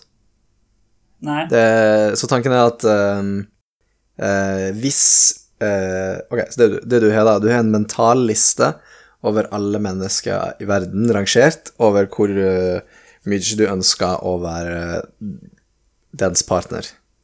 Ehm, Mhm. ja, og alle har ei sånn liste, da. Ehm, Og hvis uh, du er over uh, Over no, noen andre Eller hva jeg prøver å si nå? hvis, hvis noen andre har deg plassert over eh, sin current partner på lista, og du har den personen over din eh, nåværende partner, så vil dere begge eh, slå opp og bytte og bli sammen. Um, Så det er liksom Alle jobber seg oppover lista så mye de kan. Helt eh, hensynsløst og kynisk. Og, og da, eh, i en sånn situasjon, så lenge alle har en ordna liste over preferanse, så det Så finnes det en algoritme da, for å distribuere alle alle folk, sånn at systemet er stabilt, da, og ingen lenger er i stand til eller vil bytte. Nei, så lenge ikke lista endres. Ja, hvis lista endrer seg, så, så blir jo det en opprøsking, og algoritmen må kjøres på nytt, da. Ja. Nei, men altså, du mener, du mener at uh, algoritmen vil ikke du vil ikke bytte bare fram og tilbake Mm, stemmer. hvis Ja. ikke lista endres? Ja. Men det gir vel mening. Det gir litt mening, men det er også litt sjokkerende at det er sånn. Det betyr at alle andre i verden som har deg over uh, sin nåværende partner på lista, vil være under din Ja. nåværende partner på lista, og motsatt. Alle du er Ja, når, når det er stabilt. Ja, Ja. når det er stabilt, ja. Alle du er keen på å bytte til, er ikke keen på det. Alle som er keen på det, er du ikke keen på. Jeg føler det gir veldig mening. Siden du alt har optimalisert det, og ting ikke endres. Ja, men det er jo ikke helt gitt, synes jeg, at det måtte være sånn at eh, det går an å finne en stabil løsning. Det kunne jo vært noen sånne sirkler, sant, at du alltid på en måte Når det skjer ei veksling, så skjer det en annen veksling, og så på en måte går det liksom fram og tilbake, da. Du, du kunne jo sett for deg at det var en sånn situasjon. Jeg føler ikke du kan At det er det siden du sier at eh, måte fra begge perspektiv så må det være bedre enn det det er nå. Mm, Og da vil det alltid Summen vil alltid bli bedre. uh, og derfor vil det jo til slutt stoppe opp. Og du vil aldri ville gå tilbake igjen, i og med at du bare måler en endimensjonal uh, egenskap. Ja, det er jo sikkert det som er grunnen til at det faktisk går an, da. Hva skjer med de som blir uh, forlatt? Ja, ikke sant? Det er et godt spørsmål. Kanskje de er, er klare til å ta hvem som helst uh... Ja, det er jo de sikkert, Ja. da, for da har de ingen partner. Um, så det er litt det jeg tenker som gjør at det vil eh, Når du liksom går fra din partner for å møte med noen andre, så, så blir de ledig og faktisk Da, da går jo de ned på sin preferanseskala fra deg og ned til en annen person, men de gjør det likevel, for de har ikke noe valg. Ja. Eh, Så det kunne jo på en måte ha skapt en sånn syklus, òg, jeg tenkte. Men hm. Men, men tror du Mener du også det med at det er stabilt Mener du, Kan det være basert på rekkefølgen ting skjer? Kan det påvirke resultatet? um, Eller kan det ikke det? Jeg veit ikke. Jeg veit bare at det finnes en algoritme som gjør at du havner i en, eh, i en stabil situasjon. Ja. Men det kan hende det er flere stabile. Det vet du ikke. Ja, godt spørsmål. Det kan godt hende. Jeg tror det her var en numberfile-video. Kanskje vi må Det er ikke, slå det er ikke det sikkert det er det. Nei, det er ikke sikkert. Jeg tror kanskje det ikke er det. Men uh, Forresten, jeg bare hadde en ting til om uh, denne soppen. Visste du at uh, sopp verken er eh, planter eller dyr. Ja! Men det er liksom en tredje gruppe Ja, det er sin egen organismekategori. Det det her er faktisk diskutert tidligere. Og hva er grunnen til det? Det er noe med at de har fordøyelsessystemet på utsida. Ja, altså Det ville vært rart å kalle det dyr, vil jeg si. Jeg har ikke noe veldig konkret grunn til det. De har ikke en hjerne, kanskje, hvis alle dyr har det. Eh, Men, det, men de er ikke planter fordi de ikke utfører fotosyntese. Ah, er det det som er grunnen? Jeg tror det. Hmm. Men er det, er det bare de tre? Det er som bakterier? Er det en fjerde sak? Encella organisme er kanskje sin egen sak. Hmm. Ja. Men eh, ja, det er jo fisk, da. Men du regner vel kanskje fisk som dyr? ja det, det tenkte jeg som dyr, men eh, Ja, det er jo det. nok et definisjonsspørsmål. Blir ikke kvitt dem. Man gjør ikke det, altså.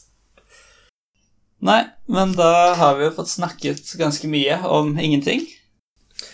Mest fun, kanskje. Ikke så veldig mye facts. Litt, uh, litt mye muntlige eh, utregninger. Du, eh, altså Hvis vi ikke løser lineære ligningssystem eh, i hodet, så er ikke det her en ekte vitenskapelig nonsens-podkast. Det, det er sant. Definisjonen på en vitenskapelig nonsens. Hvor mange vitenskapelige nonsenspodkaster fins det? Det er sikkert ganske mange. på Ja, vi er sikkert sånn rundt 20 000 plass. Ja. I, på beste. Av 20 000. Av 7 milliarder. Det finnes ikke 7 milliarder podkast. Det finnes 7 milliarder hypotetiske podkaster. Ser at hver person Vi må, er sin vi må egen telle med alle de podkastene som ikke har blitt laget, for å komme litt opp i lista. Vi scora dårligere enn ikke-eksisterende podcasts. Det, det er trist. Det er trist. Men det kan kanskje gå. Det kommer litt an på hvordan du scorer de. Hvis du scorer på antall vittere, så tror jeg vi har en sjanse til å slå dem. Hvis du bare scorer på kvalitet, det er jo noe annet. Ja, ikke, ikke begynn på det engang. Nei. Nei, takk for i dag. Da ses vi Takk neste for i gang. dag. Outro.